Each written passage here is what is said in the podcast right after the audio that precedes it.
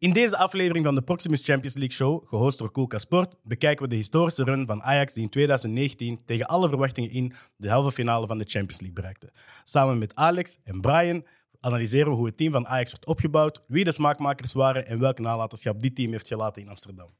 Alex, is het juist als ik zeg dat Ajax in dit seizoen eigenlijk een beetje iedereen als fan heeft gewonnen? Absoluut, man. Ik denk ehm, dat is misschien de eerste keer dat ik zo een Champions League volgde en dacht van oké, mijn club is hard, maar Loki is er een andere ploeg waarvan ik denk als die zouden winnen, zou ik ook zo. Ik zou eigenlijk wel blij zijn. Snap je? is ook, ook een, een van de meer neutralere ploegen waarvan je zegt van, hè, omdat we allemaal een, een club supporteren, eigenlijk wel een ploeg zo van, oké, iedereen is er wel heel positief over, vind ik. Yes. En waar heeft dat team dan net zo'n smaakmaker gemaakt bij iedereen? denk, het is een jong team. Eh, zij doen het een beetje op de juiste manier. Je hebt heel veel ploegen zoals een City en een PSG die heel veel spelers gaan inkopen. Zij doen het meer met jongens vanuit de eigen jeugd. Is altijd wel een beetje een model geweest doorheen uh, de jaren. En dat zag je in deze campagne zeker, omdat je daar heel veel jonge spelers hebt gehad. En Donny van den Beek en Frenkie van de Jong. Frenkie uh, de Jong die van de jeugd komen en daar eigenlijk gewoon hun stempel kunnen opdrukken. Um, voor mij was het een beetje de hoop, of de hoop van Europa. Waarom?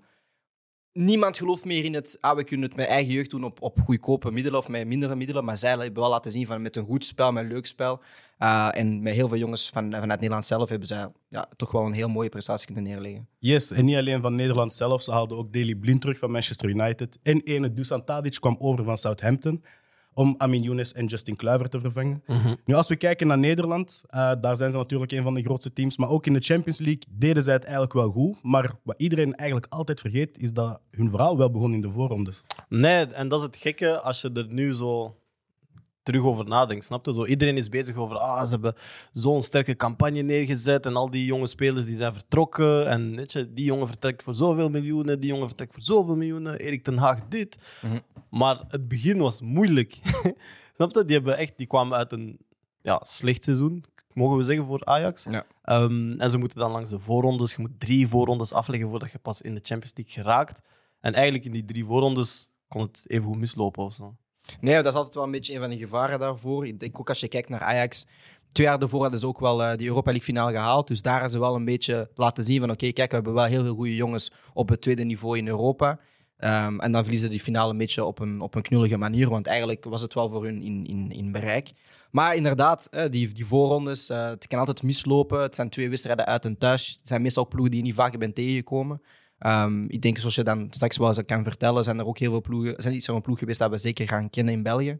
En dan zie je toch wel van, uh, ja, een moeilijk seizoen voor Ajax. Ze eindigen tweede het, jaar ervoor. Uh, ontslagen hun coach, haalden een nieuwe coach die nog eigenlijk geen Europese ervaring heeft. Maar je ziet wel uh, ja, dat het daarna wel gewoon begint aan te slaan. Yes, en Brian zei het al, ze komen een paar ploegen tegen. Eerst overwinnen ze Sturmgras, en daarna moeten ze tegen het Standaard van Michel Ja. Ja, de eerste match op standaard 2-2. Dus zelfs daar kon het een beetje mislopen. Maar eigenlijk, ze staan 2-0 voor. Ze spelen een goede wedstrijd. En dan denk ik dat het gewoon een beetje laksheid is. Of misschien een beetje de tegenstander niet helemaal gaan respecteren. En dan merk je in Europa wel vaker. Hè, als een, een grotere ploeg een beetje voor staat, dan denken ze van, ah, we spelen dit uit. Uh, maar standaard had er zin in. En wij weten ook heel goed, standaard, Clessin, dat is waar dingen gebeuren. Weet je? Dat is waar Bolat ook ooit in de, in de 90 plus minuten met een kopbal uh, gaat scoren en zo. Uh, maar dan regelen ze dat in de terugwedstrijd thuis gewoon lekker af. Um, en geraken ze gewoon goed in de groepsfases, man. Yes, als laatste moesten ze ook nog Dynamo Kiev verslaan. Ja. En uh, daarna kwamen ze in een groepsfase. En als ik zo naar die groepsfase terugkijk, ze komen daar met Bayern, ja, kampioen in Duitsland. Ze komen met AEK Athene, kampioen in Griekenland. En als we vooral uitkijken naar Benfica, die tweede zijn geworden in Portugal, was het enige seizoen dat Joao Felix eigenlijk profspeler was bij het eerste team van, van Benfica. Ruben Diaz zat daar en Grimaldo zat daar. Dus op voorhand hadden we een beetje het gevoel van het gaat eigenlijk een strijd worden voor de tweede plek, toch? Ja, ja, want voor mij zijn het een beetje twee gelijkaardige ploegen. Want het zijn twee opleidingsploegen voor mij. Om nu gezeten Ruben Diaz. En weten dat ook daarna de stappen die hij heeft gemaakt. Het zijn twee ploegen die hard op elkaar lijken. Een beetje gelijkaardige niveau, de competitie ook. En daar was het inderdaad wel gaan, gaan zien van oké, wie gaat er eigenlijk dus bovenuit komen. En dan zien we daarna wel de Ajax inderdaad gewoon hun, hun taak doen. En dat ze dus ja, van die twee wedstrijden toch eentje hebben kunnen winnen. Um, en daar zie je echt wel ja, het, het, het, de, de stappen die Ajax is aan het maken als, als ploeg. Want directe tegenstanders is niet altijd meteen gemakkelijk, maar ze doen het wel meteen. En als je kijkt naar die groepsfase, in de eerste wedstrijd winnen ze met 3-0 van AEK Athene, wat eigenlijk ook wel verwacht wordt. En daarna moet ze al direct met een statement komen, toch? Ja, ze gaan naar Bayern. En dat is voor mij eigenlijk, als we het hebben over die campagne, hè, want we gaan het vandaag hebben over de hele campagne. Dat is voor mij eigenlijk de eerste keer dat Ajax een soort van waarschuwing uitstuurt naar Europa. Van hey, we zijn gewoon een heel goede voetballende ploeg. Er loopt heel veel talent rond, maar het is niet enkel talent. En dat is een beetje wat Gilles daarnet zei. Zo, ze zijn blind gaan halen, ze zijn Tadic gaan halen. Dus ze hebben eigenlijk ja, spelers toegevoegd die ervaring hebben. Tadic was geen wereldtopper, maar was wel gewoon een heel goede voetballer. En die halen ze dan terug om een beetje omkadering te brengen bij die jonge spelers. Ehm, en op, wanneer ze dan op Bayern spelen voor de wedstrijd, is de eerste keer dat Van Gaal ook zoiets zegt in de aard van ah, dit team doet mij denken aan het team van 95. En ik denk, als iemand van Ajax dat zegt over het team van 95, dan weet je al van, oh, oké, dit is serieus. Snap je? Want voor hun is dat wel, dat is, dat is het heilige team. Dat is Seedorf, dat is Kluivert, dat is Davids. Dus om die vergelijking te maken, besef je van, oh, misschien moet je wel gaan opletten ehm, ja, naar, naar dit nieuwe team of zo. Yes. En ze laten het gewoon zien in die wedstrijd. En we gaan even kijken naar de highlights van die wedstrijd. Speeldag 2 van de Champions League. Er moeten veel jongens van Ajax die eh, hun eerste Champions League campagne spelen. Ja, die, de van, meerderheid. die van Bayern bijna elk jaar. Robben brengt hem voor en daar is de goal. Lewandowski die zit er niet bij, Hummels wel. En op die manier staat het 1-0. Robben was er al dichtbij een minuutje geleden. En nu de verdediger Mats Hummels, 29. Hij knikt de bal binnen aan de tweede paal. 1-0 Bayern. Wat een start van de Duitse kampioen.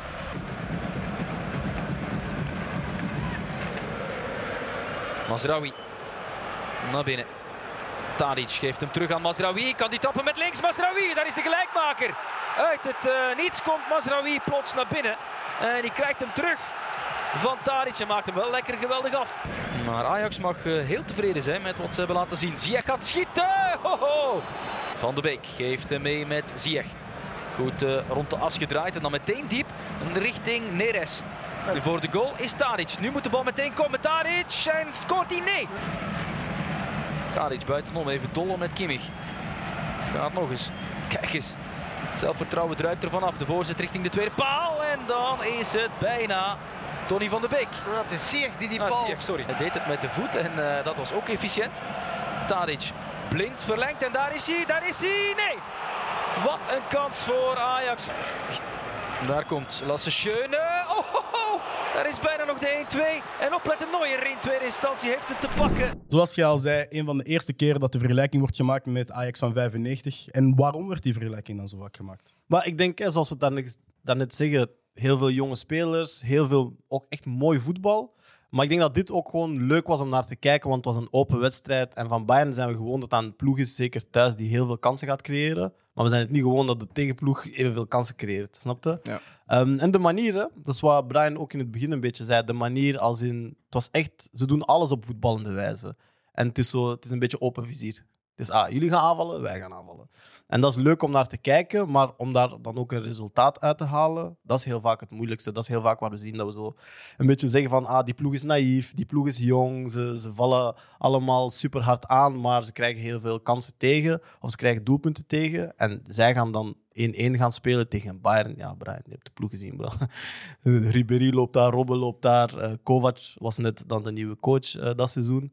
Maar tegen zo'n stacked Bayern, in Bayern, ja, een 1-1 resultaat gaan afleggen, was gewoon hard, man. Ja, ik denk zeker wat het belangrijkste is dat je, ja, ze komen 1-0 achter in die wedstrijd.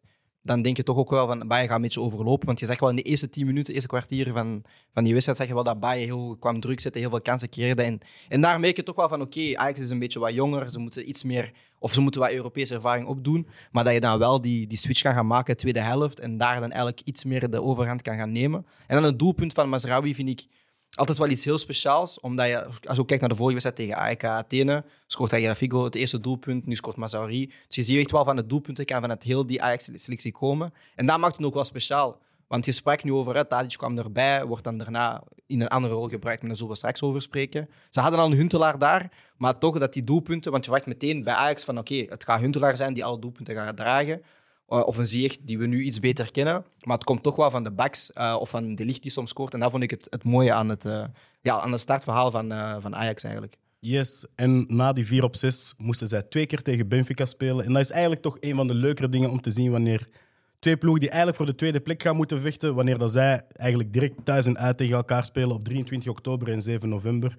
Is dat, iets, is dat een van de meest, eh, meest geanticipeerde wedstrijden zeg maar, in een groepsfase? Ik denk dat wel, maar ook. Het is enerzijds, ze spelen beide voor de tweede plek. Het is onderling, dus het is echt een beetje mano y mano, zoals dat ze zeggen. Maar het is ook door de twee ploegen die het zijn. Door het feit dat dat twee ploegen zijn die willen voetballen, die jeugdspelers brengen uit de academie. Een beetje hetzelfde, vind ik, ja. Ik vind ook, ik denk, ik weet niet of dat jullie beide stadions al hebben gedaan, Ja. maar dat, dat is gewoon, ja, die twee zijn ook gewoon super leuk om een wedstrijd in te beleven. Mhm. Als in, dat zijn echt ploegen met een thuisvoordeel. Weet je, de Johan Cruijff Arena, of je gaat in Benfica naar een wedstrijd kijken, dat is, je voelt echt van, ah, die supporters zijn daar. En het zijn allemaal jongens uit de opleiding, en ze spelen voetbal, en het is meestal een mooie zomeravond, en je denkt van, ah, daarom kijk ik naar voetbal. Dus die twee affiches waren voor mij, ja, dat, dat viel eigenlijk perfect uit dat, dat, die twee voor de tweede plek moesten strijden. Maar ik denk ook persoonlijk, ik kijk liever naar zo'n twee ploegen tegen elkaar, omdat je dan weet van, ze respecteren elkaar, maar ook zichzelf. En ze weten van, oké, Ajax denkt in hun hoofd van, Benfica kunnen we klappen. Benfica denkt van, oké, Ajax kunnen we klappen. En dan zag je ook wel in die twee wedstrijden, al- althans dat het niet heel, een heel grote score was, zag je wel van die dreiging naar voren. Ik vond Benfica eigenlijk de overhand hebben in beide wedstrijden, maar Ajax was dan iets efficiënter. Dus daar zie je wel van, het zijn twee ploegen die aan elkaar gewaakt zijn en dan geven meestal de beste wedstrijden. En dat was voor mij een van de betere wedstrijden, zeker in die groepsfase. Omdat, oké, we hebben Bayern gehad, maar we weten wat we van Bayern krijgen. En, en het is een beetje van, oké, hoe gaat Ajax zich opboksen tegen, tegen een Bayern? Maar het, het feit dat je twee gelijke giganten hebt, want het zijn altijd wel twee ploegen die ook qua historie heel grote naam hebben. En dat ze dan tegen elkaar overkomen. Ik denk dat is voor in het voetbal, is dat denk ik een van de mooiste affiches. Het zijn niet de grootste namen meteen, maar je weet wel van, oké, dit is voetbalcultuur. Naar, naar, Dat is wat ik roots. zeggen, omdat je zegt, hè, ze respecteren elkaar en ze respecteren zichzelf. Maar eigenlijk het zijn twee ploegen die voetbal respecteren. Ja. Het zijn twee ploegen die voetbal willen brengen volgens de regels of zo, of volgens de filosofie. En dan is het een beetje ja, ironisch en niet ironisch, want Ajax zit ertussen. Maar het is een beetje de filosofie gebouwd op een Johan Cruijff. Ja. Snap je? En die twee clubs passen daar wel in. Dus dat is, ja, dat is gewoon hard, man. Ja. We zien het ook aan de resultaten. Het zat heel dicht op één. Ajax won thuis met 1-0 en ging gelijk spelen in het Stadio de Luis. Ja. Eh, en kwam in 4 op 6 uit die, uit, die, uit die onderling duel. Daarna moesten ze naar AEK Athene, wonnen ze ook met 0-2. En dat was eigenlijk de laatste wedstrijd die er al niet meer toe deed. Tegen Bayern moesten ze eigenlijk geen punten meer halen. En maken ze er toch een spectaculaire wedstrijd van- van. Wat eigenlijk een beetje ja, de belichaming is van Ajax dat seizoen in de Champions League, toch? Ja, ik vind, maar ik vind dat dat ook gewoon de Nederlandse mentaliteit is, man. Ik Beetje vind- arrogant. Ja, maar juist de arrogantie. Als in, ze weten dat ze doorgaan, Maar toch maar nog ze willen aantonen dat ze ik. minstens even goed zijn als Bayern. Ja. Dat is het gevoel dat ik krijg. Als in, ja, jullie gaan scoren, we zullen ook scoren. Weet je? En dat vind ik hard aan, aan Ajax en Nederlands voetbal in het algemeen. Is zo van... En dat merk je heel vaak ook op eindtoernooien. Dat is, allee, op WK's en EK's met Nederland. Het maakt eigenlijk nooit uit wat de kwaliteit van een ploeg is. Ze gaan er altijd van uit dat er een manier is waarop zij kunnen winnen. Zij denken voetballend kunnen wij iedereen Ja. aan. En dat zeg je in de wedstrijd ook. Want ik weet nog, het waren twee penaltyfases. Ze hebben ook denk ik al twee een rode kaart gekregen. Maar je merkt wel van, oké, ook al spelen we met tien man, we gaan proberen die, die bal te blijven circuleren. En, en daar moet ik ook pluim geven aan- Ten Hag. Want zij komen als eerste met een, met een rode kaart. En hij vindt toch wel een manier om steeds voetballend ehm, dreigend te gaan zijn. Dan komen die bordjes weer gelijk, omdat dan Bayern ook een rode kaart krijgt. Maar ook het hele ding, je, je hebt de dubbele wedstrijd tegen, tegen Benfica gespeeld. Eigenlijk heb je al in de eerste wedstrijd beloond tegen, tegen Bayern om, om een puntje te gaan pakken. En dan die laatste wedstrijd inderdaad, het is een beetje... Je zal zeggen van, oké, we nemen het iets rustiger aan. We hebben nog de competitie en al die dingen. Toch nog gewoon 100% ervoor gaan. En daar die 3-3 ehm, spelen is voor mij, denk ik, ja... Ik denk dat daar voor mij meer de statement was. Omdat je dan hebt laten zien, we kunnen drie keer scoren tegen Bayern. Ja. Dan de 1-1. En we verliezen niet. We spelen twee keer tegen elkaar. Ja. We hebben niet verloren. En in die groep kom je ook gewoon... eh, ja, Zonder eh, een verlies eruit. Ja, zonder een verlies eruit. Yes. Daarna zijn de knock-out fases, de loting. Ajax loodt Real Madrid. En ik denk, wij als voetbalfans, als er één ploeg is die je zo lang mogelijk wilt vermijden, dan is het toch Real Madrid. Zeker in de Champions League. Ja, je wilt die niet tegen... Maar, ja, maar je wilt die in de finale ook niet tegenkomen. Dus je wilt die eigenlijk gewoon niet tegenkomen. Real Je Madrid- hoopt dat iemand anders ze uitschakelt, Ja. met geluk. Ja, maar dit is zo'n ploeg, ik denk ook, eh, als je kijkt naar Barcelona, maar dit is zo'n ploeg van je wilt die niet tegenkomen, je hoopt dat elke andere ploeg die uitschakelt. En ja, zoals we altijd een beetje zeggen onder ons, ja, die aura, dat heb je van Real Madrid. Alleen was er dan wel een kleine ja, notitiepuntje, daar was een speler er niet bij. Yes, het was Real Madrid dat voor de eerste keer in een heel lange periode zonder Ronaldo moest aantreden. Dus eigenlijk een beetje een verzwakt Real Madrid. Ook al hebben we achteraf gezien dat Benzema die toon wel heeft te kunnen opvullen. Maar eh, Real Madrid won met 1-2 op Ajax, de heenwedstrijd. En dan denkt toch iedereen waarschijnlijk dat het gedaan is. Ja, sowieso. Want toen was ook nog die uitdoelpuntenregel, eh, toen bestond die nog. Dus ja, dan moet je gaan denken van oké, nu moeten we naar huis gaan. En nu moeten we naar Real Madrid gaan. Ehm, het is al niet gemakkelijk om in Bernabeu te gaan spelen. Dan moeten ze zorgen dat ze geen doelpunt scoren. Dus dan denk je van het is over en out, maar dan komen ze in die terugwedstrijd en dan winnen ze ja, met, met 1-4. En het feit dat ze 3-0 eerst voorkomen, nou, laten we weer ook gewoon zien, een statement van Ajax van ja, we zijn geen, geen kleine jongens en, en we kunnen iedereen aan.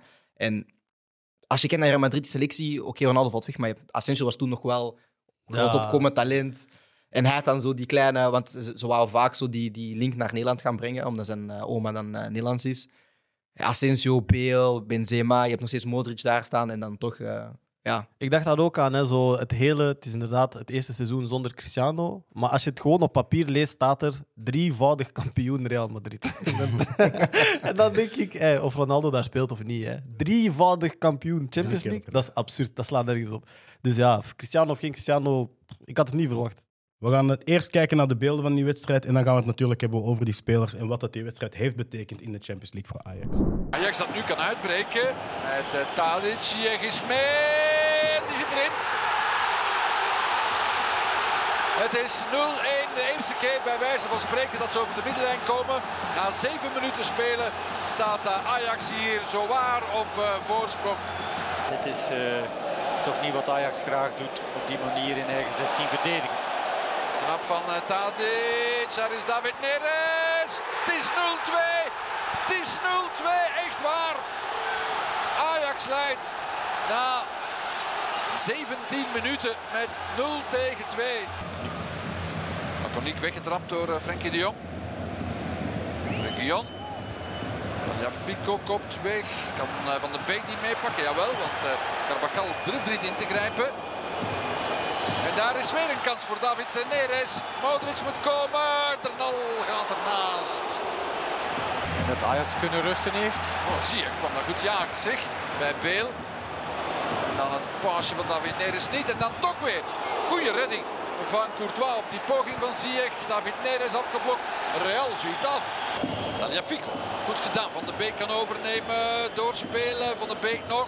Vindt uh, Tadic. Binnen. Het is 0-3. Ai, ai, ai. Real. De titelverdediger dreigt hier te verzuipen. Tadic bekroont zijn uh, geweldige wedstrijd met een prachtig doelpunt. Net voorbij het uur. En Ajax staat hier zowaar 0-3 voor op het veld van Real Madrid. Real probeert nog een tempo hoger te gaan uh, spelen en wat meer volk voorin te brengen. Regio. En hier de goal. Marco Asensio. 1 tegen 3. Nog 20 minuten te gaan. Een overtreding van uh, Casimiro. Op, Dubbele wissel komt het. Gaat twee mensen wisselen. Is Schöne nog. Meteen op doel. Daar zit erin. Courtois verkijkt er zich op. Lasse Schöne maakt er 1-4 van. Oh, Thibaut. Bon, de terugwedstrijd. Ajax wint met 1-4 op Real Madrid. Ja. Wat betekent die wedstrijd nu eigenlijk? Zowel voor heel veel spelers daar als voor het team Ajax. Voor mij is dat de referentiewedstrijd. En niet alleen voor Ajax. Ik weet niet, voor mij, die wedstrijd, alles wat ik in voetbal wil zien, zat voor mij in die wedstrijd. Ik heb prachtige doelpunten gezien. Ik heb echt een paar goals gezien waarvan ik dacht, zag, ik hoop of ik droomde ooit dat ik zo'n goal zou scoren. Die, Die, die van Tadic, hè? Die 3-0. van Tadic? Die derde, hè? Ja, ja, ja. Nou, die van Tadic of Schöne? Nee, ik vind die van Tadic, omdat er, er is, er is een, een, een speciaal gevoel dat je niet kan beschrijven. Als je een controle hebt, binnenkant voet, en je legt hem buitenkant voet, en je trapt hem in de winkelaak. Ik weet niet, want ik krijg, ik krijg soms die kippenvel. hè. Ah, bro. maar dat is je- oefening toch met die laddertjes. Ja, ja, Maar, je, ja. maar je, je zag aan die aanname van... Meestal voelt je dat als voetballer, want als je aanname goed is, je weet... Ja. Ik En, en, en voor mij het mooiste aan die, aan die actie van, van, Schöne, eh, van, eh, van Tadic was van ook de agressiviteit, hoe hij afwerkt. Want je kan hem ook gewoon mooi plaatsen bovenhoek. Dat is schattig. Maar dat was ja, zo die mengeling, wreef binnenkant, gewoon boos in die Dat is, bovenhoek. dat is het, het hoogtepunt van ik heb vertrouwen. Maar ik, vond het, ik vind het grappig dat... Ik had nooit verwacht dat Tadic zo'n niveau kon bereiken. Want we Ik hebben hem niet. gezien in, in Engeland met Southampton. En dan deze wedstrijd zag je ook gewoon van... Kijk, ik ben de meest ervaren jongen op het veld. Want dat was ook op dat moment. Samen misschien met Blind. Blind, ja. Maar meest ervaren jongen in die aanval. En ja, die roulette dat hij daar doet, de Zidane dat hij daar doet, pas geven, twee, een assist, twee doelpunten. Hij zei deze wedstrijd van, kijk, dat is mijn wedstrijd. En, en ja, dat is een, voor mij is dat ook een referentiewedstrijd, want Ik me altijd één fase on- eh, herinneren in de wedstrijd en dat is gewoon die lange bal van Ziyech. Ja, dat was... Dat, is altijd, dat, is- dat, gaat me nooit, uit- dat gaat nooit uit mijn hoofd geraken. Weet je hoe gestoord die wedstrijd is? We hebben allemaal verschillende momenten die we onthouden. Jij hebt die controle van Tadic, jij hebt die lange Ja. bal van Ziyech. Bro, weet je wat ik me onthoud? De jong die Vinicius, tegen Vinicius zegt, uit de weg. Hij zit tegen Modric, kroket. Die kroket, dat was gemeen. Maar- die is de wereld rondgegaan, hè? Ja, maar het was gewoon... Daarom, het is een referentiewedstrijd, maar er zijn zoveel dingen dat ik over die wedstrijd zou kunnen zeggen. En ik zou beginnen met de manier. Ik denk dat niemand verwacht dat er een ploeg op aarde, behalve Barcelona dan, Dat durft. ja, in het Bernabeu komt en denkt, We gaan druk zetten. we gaan druk zetten, we gaan spelen. En die We gaan wedstrijd- jullie laten lopen. Ja, ja, en die wedstrijd begint. En het is niet gewoon druk zetten en spelen. Het is dribbelen, het is tikken, het is lange bal. En ze scoren en alle goals zijn mooi. En je begint zo te beseffen van... Maar je zit nog steeds met dingen in of op Real Madrid, kan het altijd keren. Ja. Of het nu 3-0 is, 8-0. Zelfs bij 8-0 denk je dat iemand denkt... "Hmm, Maar dat als Madrid- één keer scoren... Ja, dat, het zag je kan ook nog. wel, dat zag je ook wel bij de 1-3 van Asensio. Ook die, want je weet, Real Madrid supporters zijn zo heel gesofisticeerd en heel kritisch. Maar zelfs bij die 1-3 dachten ze van, oké, we komen back. Ja. En het feit dat je dan Ajax zegt van... En een vrije trap van Schöne, ik ga niet, kunnen we dat geluk is, kunnen we dat echt de hij wil bedoeling was. trappen. Ja, bro. Met Ah, zijn ik traptechniek... Hij heeft dat nee. vaker Nee, ja, met zijn traptechniek, hij wil trappen. Maar het feit dat je dan ziet van, nee, gewoon diks op de neus, we ronden alles af. En dat is, dat is voor mij het hoogtepunt van die wedstrijd. Is inderdaad, ze staan 3-0 voor, allee, 0-3 voor. Real scoort de goal waarvan iedereen op deze planeet weet. Als Real die scoort, geloven ze erin. En Schöne zegt, hey, licht uit. het licht gaat uit Ik, zeg, ik heb echt waar, ik heb, ik heb, ik heb rillingen, man. Nou, doelpunt, nee, ik, ik vond dat echt een leuke wedstrijd om te zien, man. Echt wel, man. En verder in die Champions League run hebben ze niet alleen Real Madrid verslagen, maar iedereen zei een beetje... Iedereen zei daarna van, als het Real zonder Ronaldo. Weet je, als Ronaldo daarbij was, gebeurt het niet. En door die loting komen zij niemand minder dan Cristiano Ronaldo tegen. Die bij Juventus eigenlijk werd aangekocht om ook die Champions League te gaan winnen. En dan had iedereen zoiets van, het is de een of de andere. Maar ik denk, ik, denk dat, ja, ik denk dat de Champions League echt een, een 6 à 7 jaar zo heeft aangevoeld als in... Je kunt niet ontsnappen aan Messi of Ronaldo. Ja. Als je, weet je, Ja. onderweg naar wat jij wilt geraken... Moet je, Er is een groot beest dat je moet verslaan. Nee, maar dat is zo... Weet je, wanneer je zo'n game speelt, dat is een final boss. Ja, Je ziet Ronaldo final boss, je hebt stress. Je, je, je, je zweet in je controle. Ja, man. je? Wanneer hij zo die blonde mesjes heeft Snap en je? hij, hij zo staat bij die line En, en het ding is met Ronaldo toen niet zo. Hij, had zo die, hij keek in de camera, doet hij. Toen wist hij. en ja, zelfs in die twee wedstrijden. Een oude Ronaldo scoort wel twee keer tegen Ajax. Ehm, ja, thuis en uit.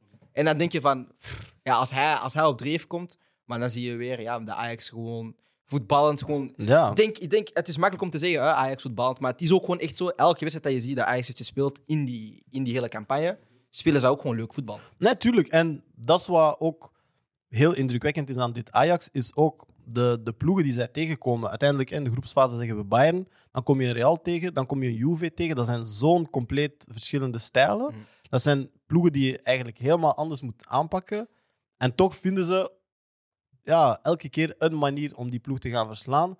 Ehm, en voor mij ook in die onderlinge duels, ja, de licht, hij scoort in die onderlinge duels. Maar ik vond het ook leuk om te zien we spreken altijd over het aanvallende. Weet je? En de licht was heel zwaar, heel zwaar gehyped. Maar het ging ook vooral om zijn voetballende kwaliteiten en al die dingen. Maar tegen Juventus is het precies zo. Als verdediger is dit nu jouw ultieme test. Ja. Weet je wat we zeggen van Cristiano Ronaldo is de final boss van de Champions League, maar Juventus is de final boss van verdediger. Ja, ja. Met En zo- contact tegen ja, Chiellini en Bonucci. Voilà, ja, en hij moet zich gaan bewijzen tegen Cristiano Ronaldo. Ja. Dus dat is waar. Sommige scenario's zijn gewoon te mooi geschreven of zo. En hij heeft het echt hard gedaan. Ik vind ook het mooie aan deze campagne is, ik denk dat je in elke wedstrijd kunt zeggen van, oké, dit was zijn referentiewedstrijd, Ja. big club. Ja. Ah, Mazraoui tegen Bayern, daarna naar Bayern. De tegen Juventus. Daarna naar Juventus. Dan zie je, ik doe dat tegen Real Madrid. Moet maar ga niet naar, ga niet naar Real Madrid. Maar Hij gaat naar Chelsea. snap je, je ziet wel Ja, zo ja. van, iedereen heeft zo één wedstrijd gehad, waar ze daarna wel heel veel ja, dingen hebben uit kunnen gaan Maar ik denk halen. ook dat Frenkie de Jong zijn, zijn contract tekent bij Barcelona wanneer hij die kroket aan, aan Modric Ja, geeft. ja, ja. Ik denk dat ze dan in Catalonië zeggen van nee, nee, nee. 150 miljoen, ja.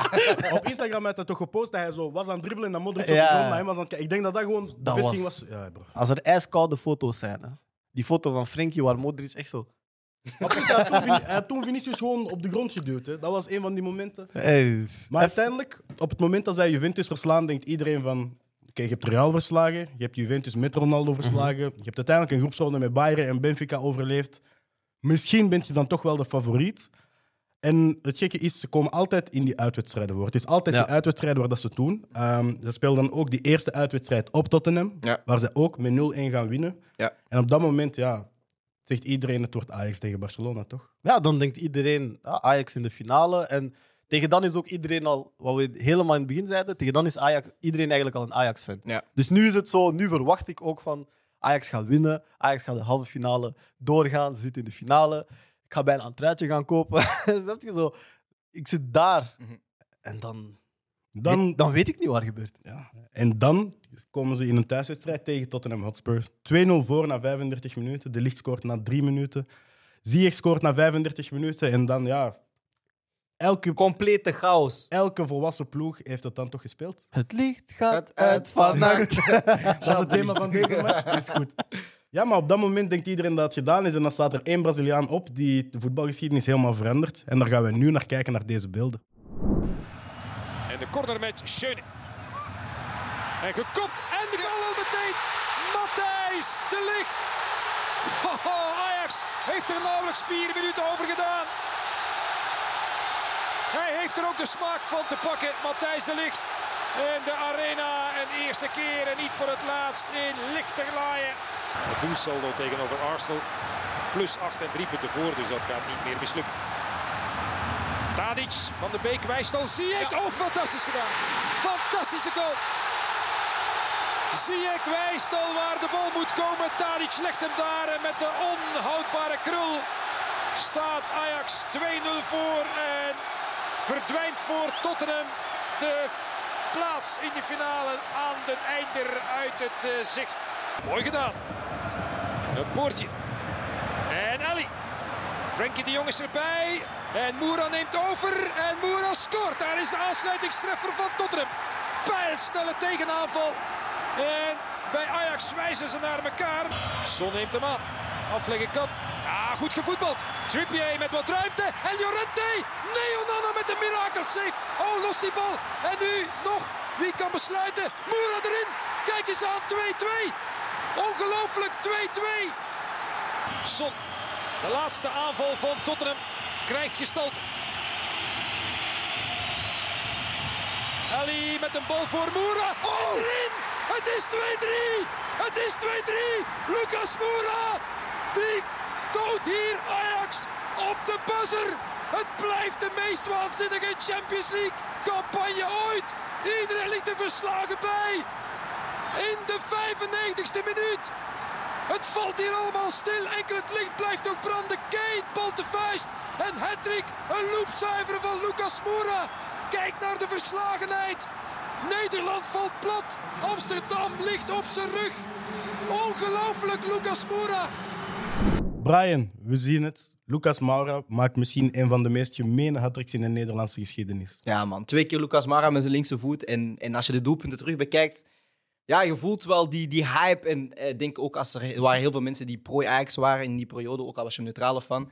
Ehm, en dat je dat ziet, dat daar gewoon magie begint. Ah, niet magie, maar de voorsprong en, en de glorie dat je kan bereiken in die finale verdwijnt gewoon door ja, Ja. twee keer een Braziliaan vanuit Tottenham, die, ja, die gewoon twee keer prikt, man. Maar dat is niet normaal, man. Ik, we waren de beelden aan het zien en die... Dus het, ja, de 2-2, zeg maar. Ja. Of het tweede doelpunt van Tottenham. Weet je, zo... Onana heeft de bal, hij lost de bal. En Maura denkt dan... Weet je, de goal staat eigenlijk in zijn rug. En hij denkt, ik ga even nog dribbelen. Ja. Tik, tik, tik, tik, tik, linkervoet, bom. Maar niemand staat rond hem. Nee, maar ik snap... Er zijn, er zijn soms dingen die je niet snapt gewoon. En je ziet het gebeuren. Ik kan dat niet uitleggen. Alles verloopt perfect. Ajax scoort weer mooie doelpunten. Zie je, krult hem in de hoek. Boos. Weet je, het publiek is, is op zijn Nederlands. Iedereen gelooft erin. Iedereen, iedereen weet eigenlijk, we zijn in de finale. Ja. En dan zie je het zo stilletjes aan, piece by piece gebeuren van, oh, wat gebeurt er, wat gebeurt er? Dat draait om. Ja, en het is ook, Heel van alle jongens die op het veld staan, is het Lucas Moura. Die eigenlijk uit de gratie is gevallen. Niet Vertongen, niet Alderweireld, Ja, maar die, niet ook, Harry Kane. die op dat moment ook eigenlijk niet meer de man is of zo. Nee, want hij is erop gekomen. Ja, Hij is ingevallen. Ja. En je hebt echt het gevoel dat hij is ingevallen met... Je gaat mij op de bank laten? Oké, wacht. Heel zijn ploeg gelooft er eigenlijk niet meer in, want dat voelde je ook in de wedstrijd. En dan scoort hij het de eerste keer en beseft iedereen van... Oh, het kan gewoon. En dat, Ja, nogmaals, ik zeg die hele campagne, of het nu tegen Real is, tegen Juve of hier nu tegen Tottenham. Elke wedstrijd heb ik zo echt een gevoel gehad van, ah wauw, ik, ik, ben, ik ben bijna een film aan het volgen of zo. Het, was, het was meer dan voetbal. Ja, precies. Zo scriptisch. Zo. Ja, man. Zo, we, hebben, we, hebben, we, Ah. hebben, we hebben zo'n anticlimax nodig. Ja. En Lucas Moura twee. José Mourinho zei na die wedstrijd in de live verslaggeving dat Ajax het volledig aan zichzelf had te denken. Ja. En eh, hij zei ook van Erik ten Hag, ja, het is allemaal leuk wat hij heeft gedaan. Maar uiteindelijk, die filosofie, daar wint je niks mee. En je wint door aan te passen. En José Mourinho zei van in die wedstrijd, wanneer de 2-1 wordt gescoord, moet je je aanpassen. En dan overleeft je het. Ik weet niet, want uiteindelijk hebben ze wel op, op de Ajax-manier tot aan die halve finale geraakt. Ik denk ook in de meerderheid van die wedstrijd waren ze de, de, de dominante ploeg. Maar ja, bijvoorbeeld een shot op doel, op de paal, zie je gemist. Ja, maak je daar eh 3-2 of 3-1, dan is die wedstrijd gedaan. En dan zeggen we allemaal van, ah, Ajax heeft het weer mooi gedaan. Want wij waren allemaal fan van Ajax, omdat ze het voetballend mooi gingen doen. Als ze dan defensief op slot gaan zetten, ja, dan, zeggen we eigenlijk een beetje, je speelt tegen je principes. Maar om daar te gaan counteren op Mourinho, een beetje een leugen. Want Ten Hag maakt wel twee wissels in die wedstrijd. Hij haalt Schöne eraf en hij zet, eh, ik had op- opgeschreven, had Veldman erop gezet. Dus dat is al één centraal verdediger. En in de 89e minuut, voordat Maura dan dus dan de 3-2 maakt, maakt hij nog eens een wissel. En dan haalt hij, eh, als ik het goed heb, eens kijken, ehm, haalt hij eh, Van de Beek eraf en dan zet hij Maran er er nog eens op. Dus hij zet al twee, defensieve, ah, twee verdedigende spelers op. Dus ik denk wel, eh, daar mis je een beetje maturiteit. Ik had ook opgeschreven in de 20e minuut was er een kans met Ziyech. Ehm hij dribbelt er om één op één. Of het was een 2 tegen 3 situatie, dus Ajax had de overtaal. En je ziet Frenkie duidelijk wijzen naar, nee, je moet naar die hoek gaan. En daar, mis je een beetje die kinder, daar zie je dan een beetje die kinderachtigheid van, van Ajax. Want op elk moment 2-2, laatste 2, 3 minuten. Iedereen zit altijd, we gaan in de hoek staan, we gaan die bal bijhouden. En misschien doelt Mourinho meer daar op die dingen van, ja, je probeert in de 20e minuut nog steeds te gaan blijven creëren. Maar eigenlijk zie je al wat er een paar spelers zijn die zeggen van, nee, we moeten slim zijn en naar die hoek gaan. Ziyech neemt een schot, ja, en twee minuten daarna scoort, scoort, eh, sc- scoort Spurs. En dan ben je wel een beetje teleurgesteld, omdat je dan wel al die, als je dan die beeld terug bekijkt, je ziet die signalen van, nee, we moeten eigenlijk gewoon een beetje gaan, gaan, gaan, gaan barriceren. En dat hebben ze jammer genoeg niet gedaan. Maar ik moet eerlijk zeggen, als je, zo, weet je, zo, als je naar voetbal kijkt, of we hebben het zo vaak over de voetbalgoden, weet je? Ja. Als je moet denken van de voetbalgoden hebben dit scenario uitgeschreven, Ja. dan is het echt wel, zij moesten Real verslaan, zij moesten Bayern verslaan, zij moesten Cristiano tegenkomen. En dan Ze- tegen tot... Allee, zo, alle ploegen. zo van gun iets, man. nooit Snap je? jullie. En dan uiteindelijk hadden ze de finale gehaald, was het of Barça of Liverpool, die ook gewoon twee Champions League teams zijn. En, en toen wou iedereen wel Barça tegen, tegen, eh, tegen Ajax, want dat was het, ja, de, twee, de, twee ploegen van, van Cruijff. ik, had dan, ik had dan gewoon zitten wenen tijdens de finale. Mooi voetbal in de finale. Ging misschien een van de eerste keren zijn hè, dat we echt mooi voetbal zagen. In de finale, ja. Ja, echt van twee kanten. Ja, Het was geen mooie finale, inderdaad. nee. Nee, want dan was het eh, Liverpool tegen Spurs. Maar oké, het gaat nu over Ajax. Ik vind het wel jammer, man. Want ik ik vind me wel bestolen van één mooie finale. Want dat is één finale dat ik niet heb gezien. Ik denk dat het voetbal dat echt heeft gemist. Is dat misschien een van de finales die het voetbal het meest heeft gemist? Ja, dat zou het hoogtepunt zijn geweest. Hè? Ik denk dat de bal, ik denk, ik denk dat het misschien de eerste wedstrijd zou zijn waar de bal nooit buiten is. gewoon kaats 90 tot kaats. minuten in de, in, gewoon 90 minuten. Bedoel, geen inworp, geen corners, niks. Nee, maar ik denk ook gewoon in die... Want ik denk, Barça dat jaar was heel goed. Ja, dan kan je wel ook wel zien van hoe verfijnd is Ajax nu. Hoe ver zijn ze van het grote broertje Barcelona. En daar vind ik wel, van daar zijn we een beetje bestolen geweest met die finale. Maar ze hebben het een beetje aan jezelf te danken, want als je ook heel die wedstrijd goed bekijkt, het is Tagliafico, het is heel belangrijk in de hele, fa- in de, in hele, in de hele campagne. Mist twee keer zijn man, het is twee keer Maura die scoort. Ja, je begint naar heel veel kleine details te gaan kijken en denk je van... Het was zo vermijdbaar. Een Onana die te gretig is op die bal gaat springen. Het zijn heel veel dingen in die wedstrijd dat elk mislopen, dat normaal gezien niet misloopt bij een Ajax. En dan op dat moment wel. En dan is het inderdaad de voetbalgoden die zeggen van kijk, jullie zijn hard wat jullie doen, maar het, het hoort niet zo te zijn, dus... Ik heb misschien een vraag voor jullie daarover, omdat ik daar nu aan denk hoe dat je het een beetje aan het uitleggen bent. Is, we hebben de vraag nooit gesteld als in... Uiteraard, een halve finale is heel veel druk. Halve finale is heel veel druk. Maar het feit dat je Ajax bent en dat je die campagne aan het afleggen bent en eigenlijk hoe voetbal is uitgeschreven in een boekje, jullie zijn de blueprint. Mhm. En jullie zijn het nu aan het doen. En je staan in de halve finale, jullie zijn thuis, een kokend stadion. Als in, ik weet niet met welke druk dat jij daar op de 65ste of 70ste minuut. Ik denk dat jij elke bal dat je krijgt en dat je moet controleren, stress hebt. Want- Ik trap elke bal naar de tribunes. Elke bal vliegt weg. Maar ik heb daar nooit over nagedacht. Over welke druk. Ik denk dat je echt minuut na minuut na minuut na minuut een hogere druk voelt. Terwijl Tottenham eigenlijk bij elke minuut aanvoelt van... Ja, Ah, het niet is gewoon door niet die. We doen gewoon iets. Maar het is ook omdat, omdat Tottenham die, die historie niet heeft van, van ja, we gaan iets Europees neerzetten. Ja, dat. Voor hun was het al hetzelfde beetje als Ajax. Het waren twee ploegen die underdogs waren in het begin van de campagne. Ja, als zij naar halve finale geraken, zijn ze super blij. Ik denk wel, wat je nu zegt over het stadium en, en al die dingen, dat dat misschien wel zijn part heeft gespeeld voor Ajax. Want als we dan kijken in de hele knock-outfase, hebben zij geen enkele keer thuis gewonnen. Ja. En dan die laatste wedstrijd waar dat je elke thuis een overwinning hebt, verliezen ze. Dus ik denk dat misschien eigenlijk ook van...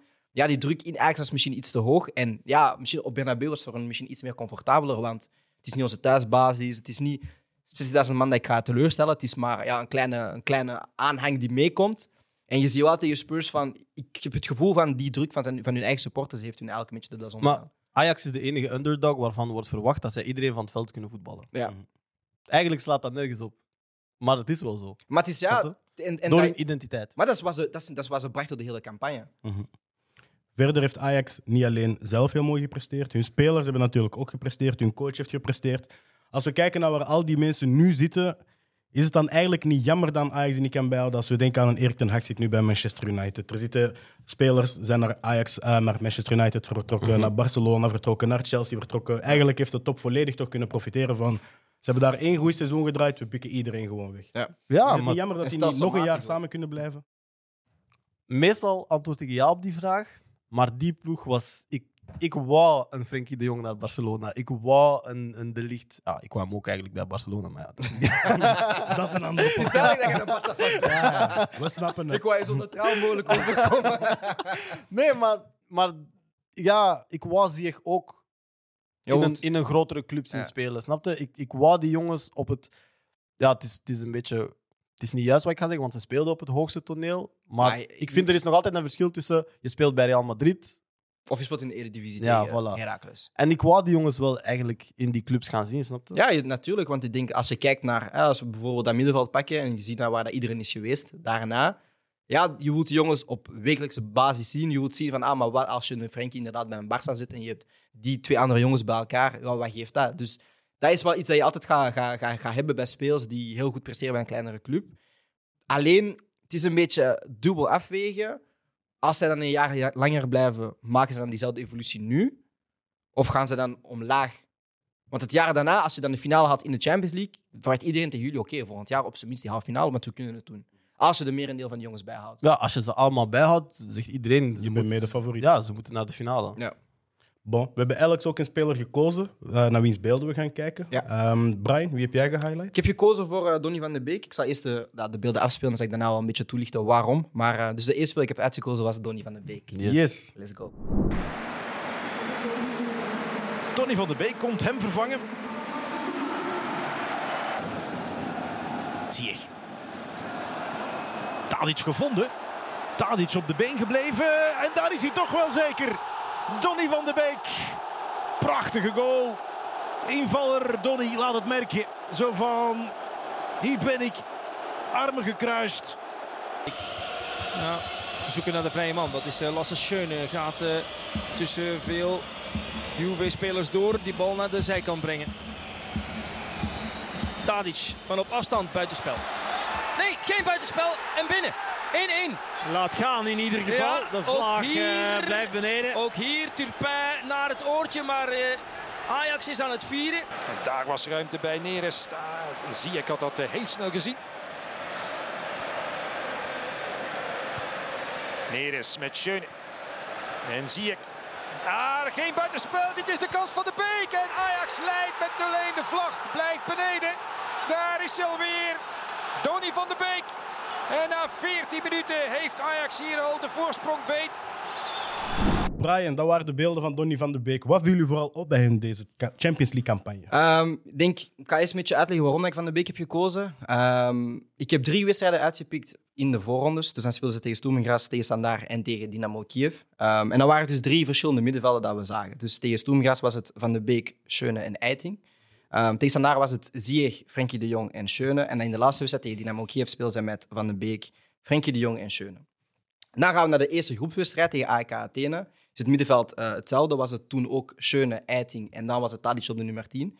Waarom heb ik dus die wissel gekozen als eerste? Ehm, omdat hij dan Huntelaar eruit haalt. Hij zet Tadic in de spits.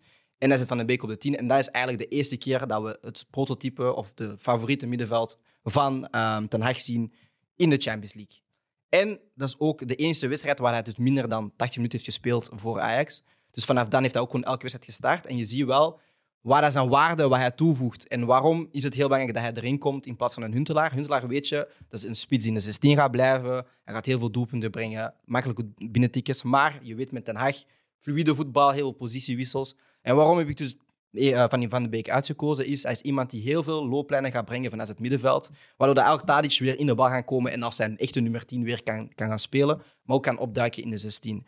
Ehm, in de doelpunten dat je ziet, bijvoorbeeld tegen Juventus, eh, komt in de 16, bal wordt getrapt, neemt hem aan en werkt hem cool af. Heeft denk ik drie doelpunten gescoord in de campagne en drie assists gegeven.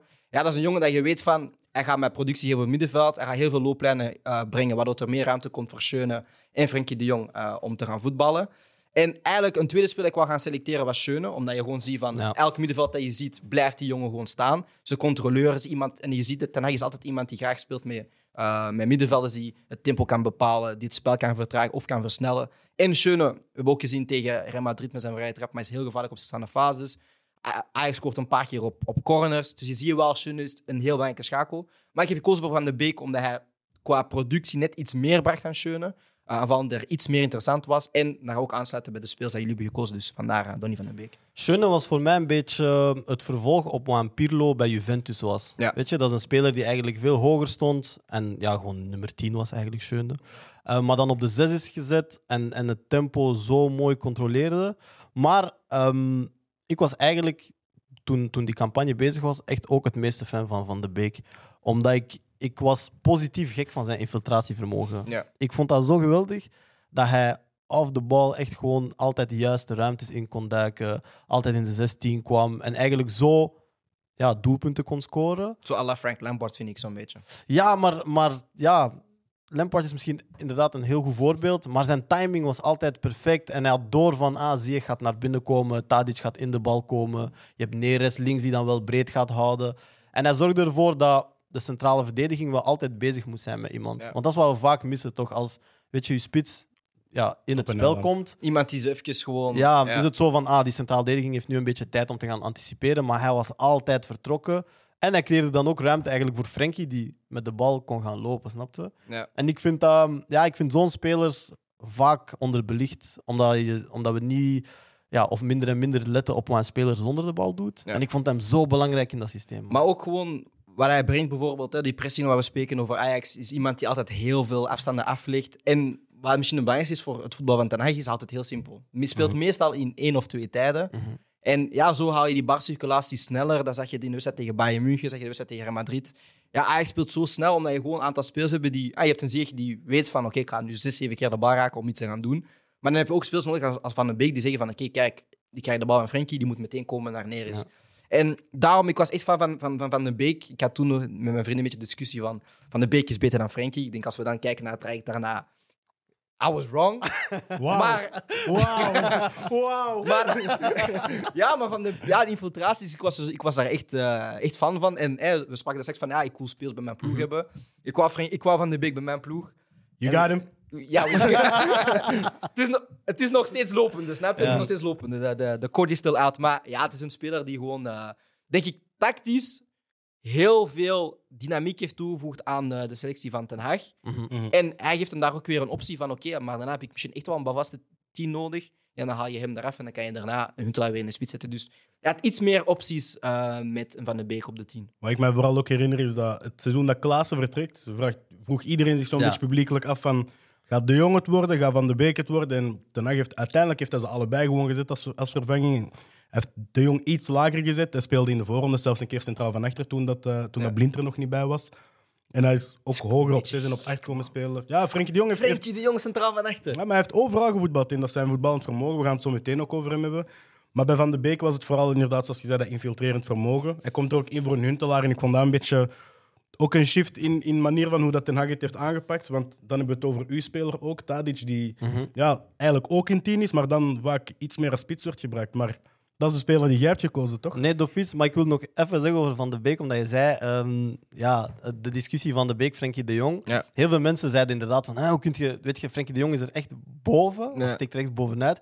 Maar toen dat, ehm, de Jong werd gelinkt aan Barça, heb ik die discussie ook gehad van, op dat moment, omdat Messi nog bij Barça speelde, had Van de Beek eigenlijk een veel betere transfer geweest. Op dat moment, hè. Op lange termijn. Nee. Ik ben blij dat we Frenkie Jong... Ja, maar omdat hij die infiltratie had toch, en Messi een speler was die hij heeft dat nodig dat heel veel mensen lopen. En ik, op dat moment, ik Van de Beek op Real heb zien spelen, ik dacht van, oh, als deze man... En toen werd, hij ook heel, toen werd hij ook heel hard gelinkt met Real Madrid. Ja, maar ik dacht echt van, oh, als deze man naar Barça komt, oh, maar bon, uiteindelijk is het Frenkie de Jong geworden. En ja, wat je zegt van Frenkie, die, die centraal van achter heeft gespeeld, die op de 6 kan spelen, die op de 8 kan spelen. En die met zijn lengte, zijn gestalte, eigenlijk gewoon de bal kan oppikken en zeggen van, ik loop ze voorbij. Pff, Dat, dat is ongelooflijk, snap je? Maar zelfs hij is niet de speler die ik heb gekozen. En dat is, dat is ook hard bij dit Ajax. Uh, maar ik heb inderdaad voor uh, Dusan Tadic gekozen. Uh, maar voordat ik uitleg waarom, zullen we misschien ook even naar een paar beelden kijken. Ja. Yeah. En uh, Tadic, is mee. Die zit erin. Toch helemaal vrij, goed bewogen. Niet gevolgd ook. Dit is uh, toch niet wat Ajax graag doet op die manier in eigen 16 verdedigen.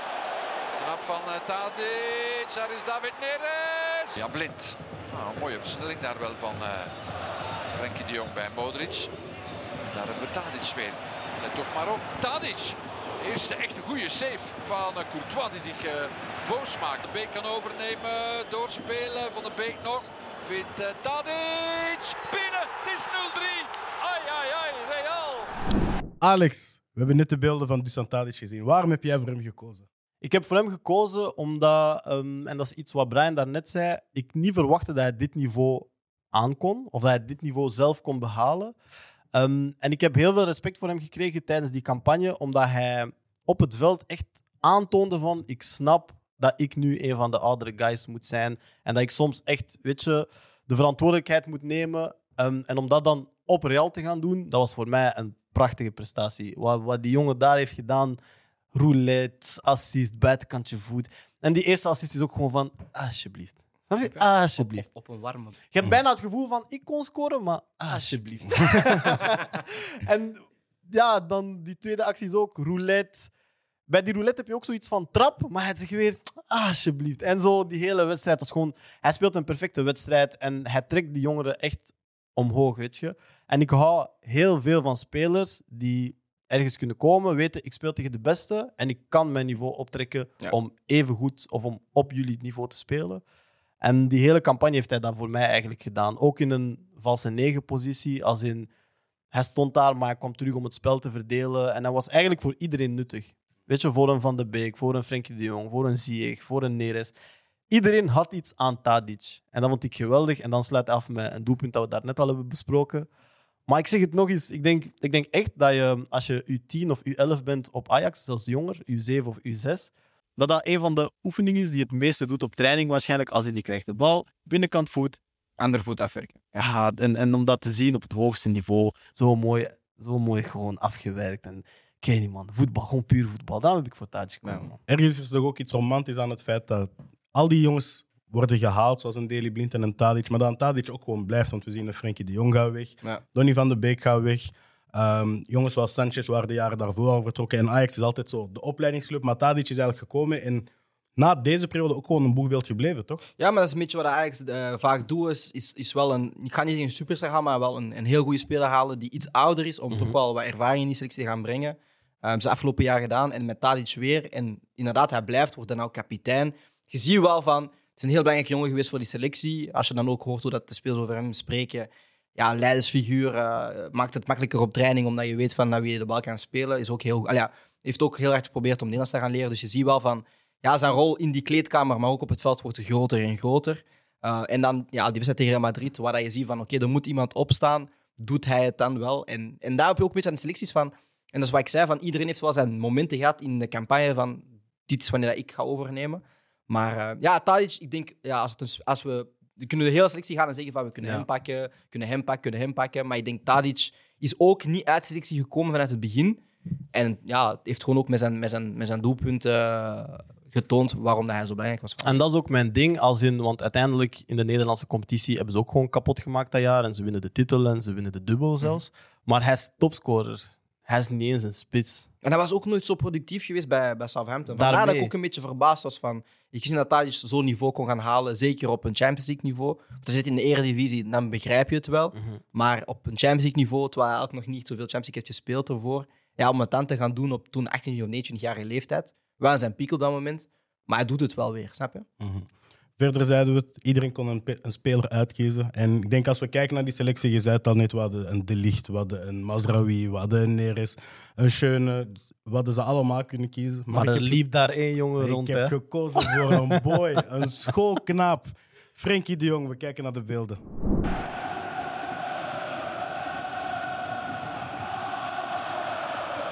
Fico. De Jong.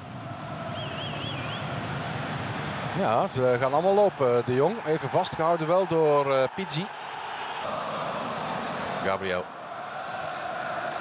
De Jong. Neres eerste baltoets. Dolberg. Met eh, Blind.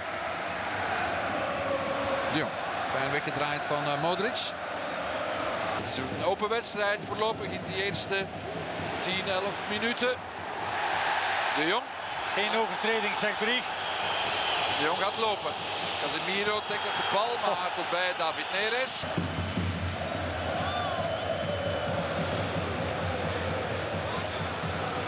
De Jong. Nog gevoetbald. Door naar eh, Mazraoui.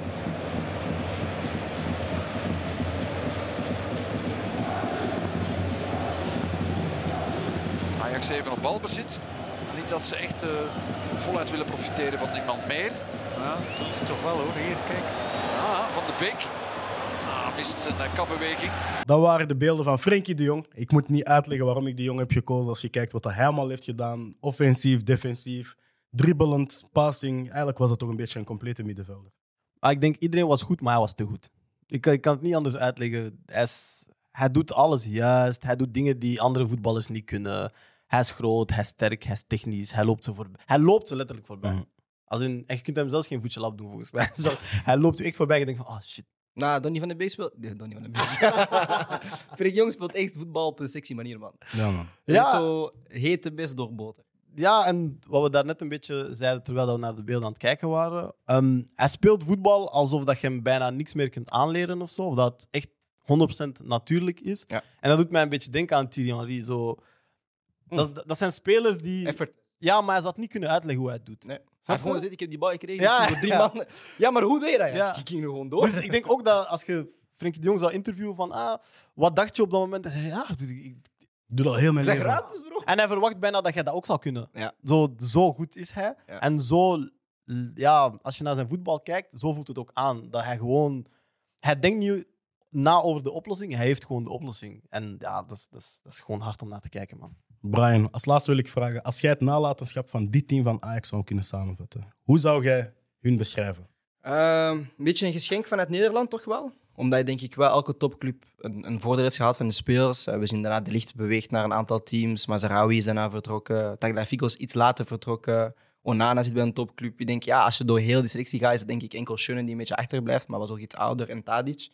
Ehm, dus ja, een beetje de geschenk. Maar, maar ook wel het, het geloof brengen in Europa. Dat je wel... En ik denk dat we daarna ook wel heel veel underdogs hebben gezien. Ook daarvoor. We hebben Porto gezien dat ehm, als underdog team heel ver kan geraken. En ja, dat je met mooi voetbal en een goede jeugdopleiding en een heel goed beleid, want dat, doe je, dat is Ajax wel. Ze, ze, gaan niet moeilijk, ze gaan niet moeilijk doen voor een transfer als je daarna wilt weggaan. Je moet gewoon eerst wel je prestaties ehm, opleveren voor de club. Dat is altijd wel belangrijk. Maar daarna, ja, als je wilt vertrekken en je kan vertrekken en het is een goed bod, dan mag je vertrekken. En ja, ik denk gewoon Ajax is waar elke club hoort te zijn.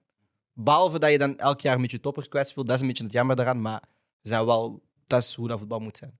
Alex, na wat we Ajax hebben zien doen in het seizoen 2018-19, heb jij het gevoel dat als je Ajax begint aan een Champions League-campagne van het kan nog eens gebeuren? Ja, ik, voor mij zijn ze echt van status veranderd eigenlijk, na die campagne. Omdat je, moet, ja, je kunt ze niet meer onderschatten. dat, is- dat, dat is er al uit. Dus je moet eigenlijk elke groepsfase zeggen... Ajax moet oppassen. Ja, Ja. We, we gaan even checken hoe dat, hoe Ja, dat ja. het eruit ziet dit jaar. Ja.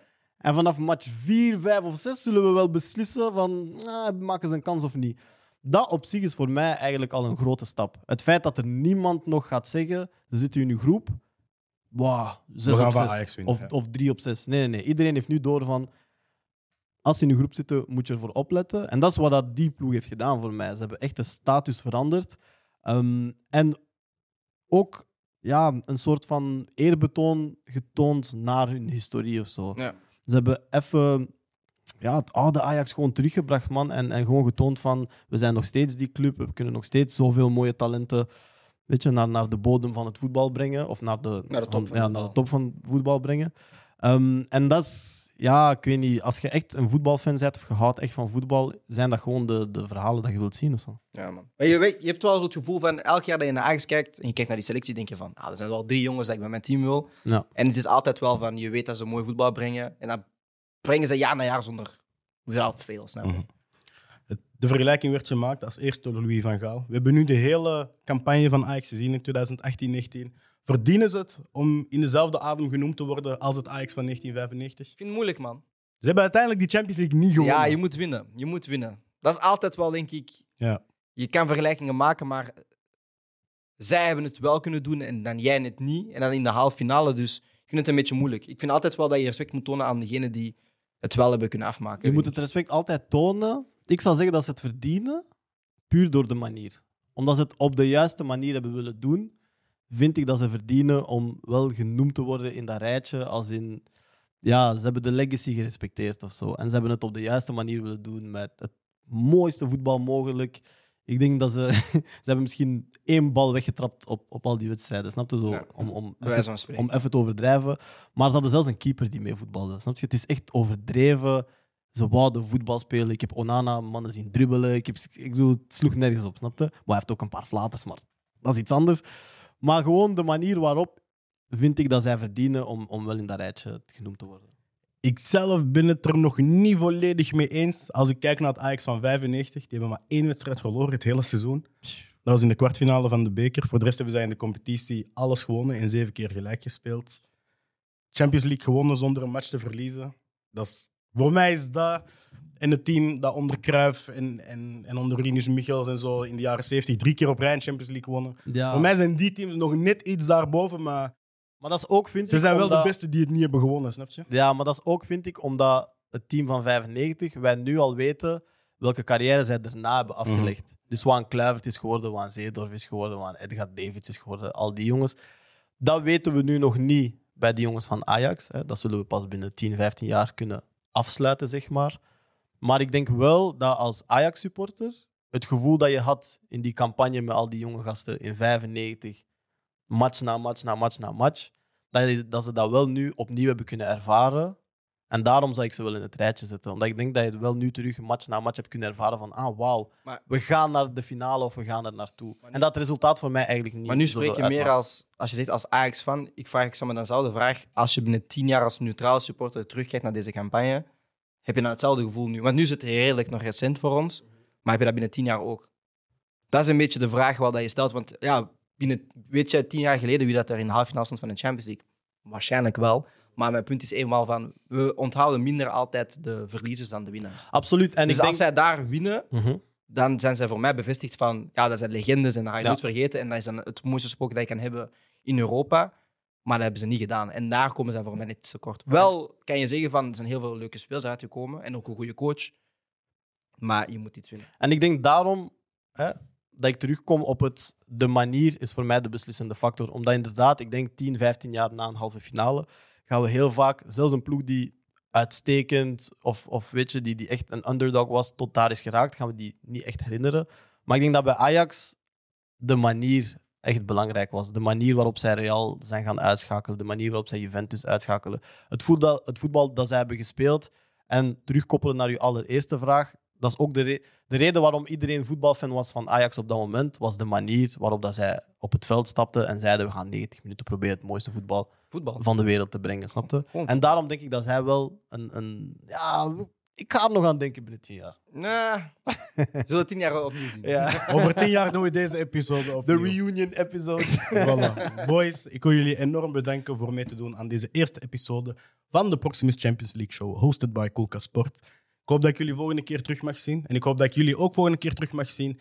En tot dan zie ik jullie in de volgende episode van de Proximus Champions League Show. You.